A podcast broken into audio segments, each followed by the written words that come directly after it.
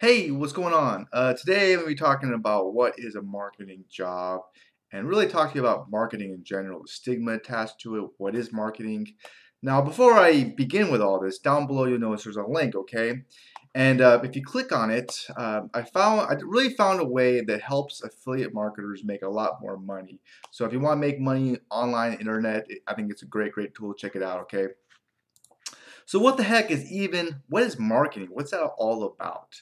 Well, it's really good communication, okay? That's what I think it is. It's about being compassionate, caring, and really helping um, others get what they desire, what they need, what they want. Uh, it's not about twisting people's arms, trying to convince them, trick them, force them, buy my stuff that's not what it's about. And some people get the stigma attached to them about sales or marketing. It's kind of seen as a, oh shit, you're in sales or you're in marketing. Um, I really love marketing. I've been doing it for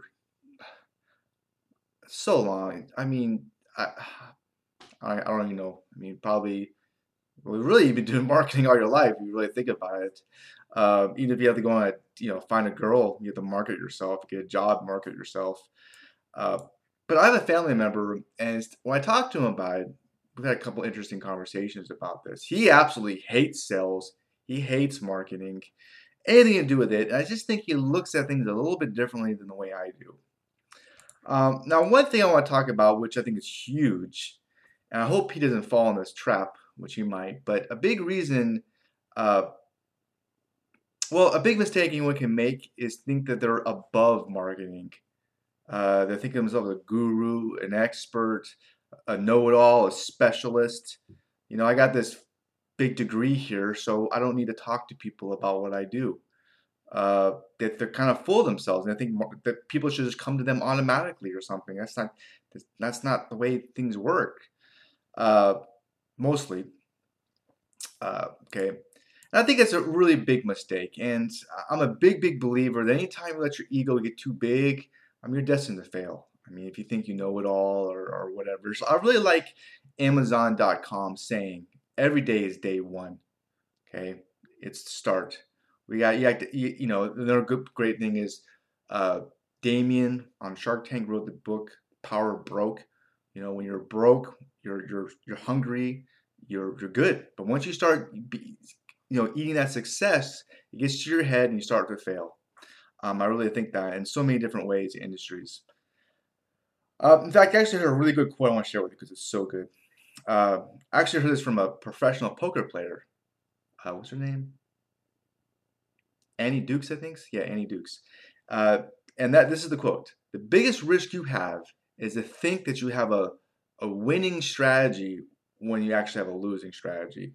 It's from I think Jeff Yass, but she said it, and I was, oh, that's really good. You know, it's kind of like you think you have a winning hand in poker, but you don't. That's a big risk, right? It's the same thing in business or in life. Uh, so me, I'm not perfect at all, but I, I, try to have zero ego and swallow my pride at every. I don't. I don't care. And the more you do that, I think the more powerful you become. Do you think those? Do you think so? Is that true? So that's what marketing is really about. It's about swallowing your ego, your pride, and just talking to people about what you do. Because if you believe in what you do and you don't tell people about it, they're gonna they're gonna be hurt. Okay. All right. So let's talk about another thing, another big, big mistake in marketing, which is a communications business, right? It's all communication. That's what a job is, marketing job. Uh, I would say is don't teach pigs to talk because you confuse the pig and you frustrate yourself. That's a big, big lesson in marketing and sales. And Jordan Belfort, he they made the movie The Wolf of Wall Street about him and his life, and he has a good training program I went through, and it's really good. I mean, he gets, a bad rap because he went to prison and he was like, you know, run this big party house on Wall Street. Uh, but he's a great salesman, great marketer, and uh, there's a whole scene in his in his training program where uh, he has a person he hired try to sell him a pen. The guy is like selling these benefits, like, oh, this does this, it writes upside down, you know, all this crazy stuff about the pen. He drops the price.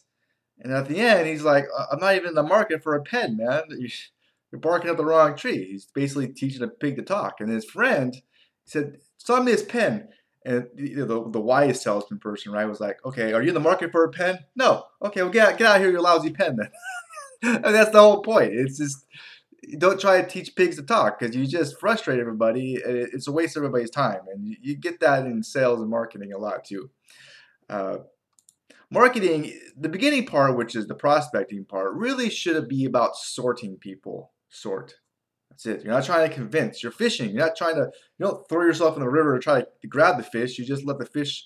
You let your your bait do the work, and that's it. You're just fishing. It's pretty fun, relaxing if you think about it.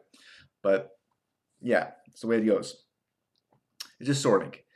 Um, and then the presentation and the closing part, that's a completely different matter. And that's where a lot of skill skills take to play. It's really important, um, especially in the online world, uh, as they call it copywriting, selling using the written word and the sales funnel. And it's by far the most powerful thing there is if you could get it right. Uh, and so where do you go to learn these skills? Well, that's why I'm a big believer in that link below. Okay, it's, it's a very good system he has. Michael Chang's his name, and uh, highly encourage you to check it out. If you're interested in making any money online, check out the Commission Machine. It's uh, you can check it out by clicking that link below. Um, I'm going to end with a saying too, which I think another quote. I love, I love these short little quotes, like pieces of knowledge, but I just have to say it. Is um, is a quote from I forget his name, but he said it's as soon as you enter the working world, switch your thinking from what you can give to people, not what you can get. I think that's a because everybody in the world is all about what, what's in it for them. What am I what am I going to get out of this? And the more you can think about giving, um, I think it's a great thing. Okay, anyways, uh, I hope you enjoyed this video, and um, I wish you the best. If you got some value from it, which I hope you did, please hit the thumbs up button. Uh, that would mean a lot to me. And I hope you have a great day, okay? Uh, bye.